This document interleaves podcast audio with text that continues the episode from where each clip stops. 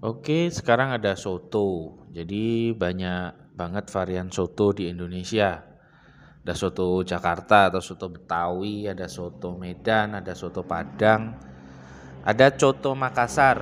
Nah, ada soto Kudus, ada soto sapi ya, soto Kudus, soto Solo, soto Babat. Nah, variasinya macam-macam ini si soto ini ya. Jadi eh, banyak yang berkreasi dengan makanan soto ini tiap daerah ya beda-beda uh, ciri khas sotonya.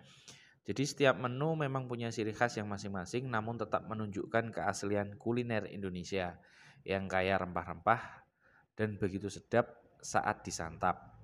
Bahkan masyarakat di kawasan Ibaraki di Jepang sudah terbiasa menikmati soto yang diperkenalkan oleh para pelajar Indonesia di sana ya. Jadi mereka selain belajar mungkin mereka jualan soto guys di sana ya. Jadi ya masyarakat Jepang hmm, pada suka itu soto.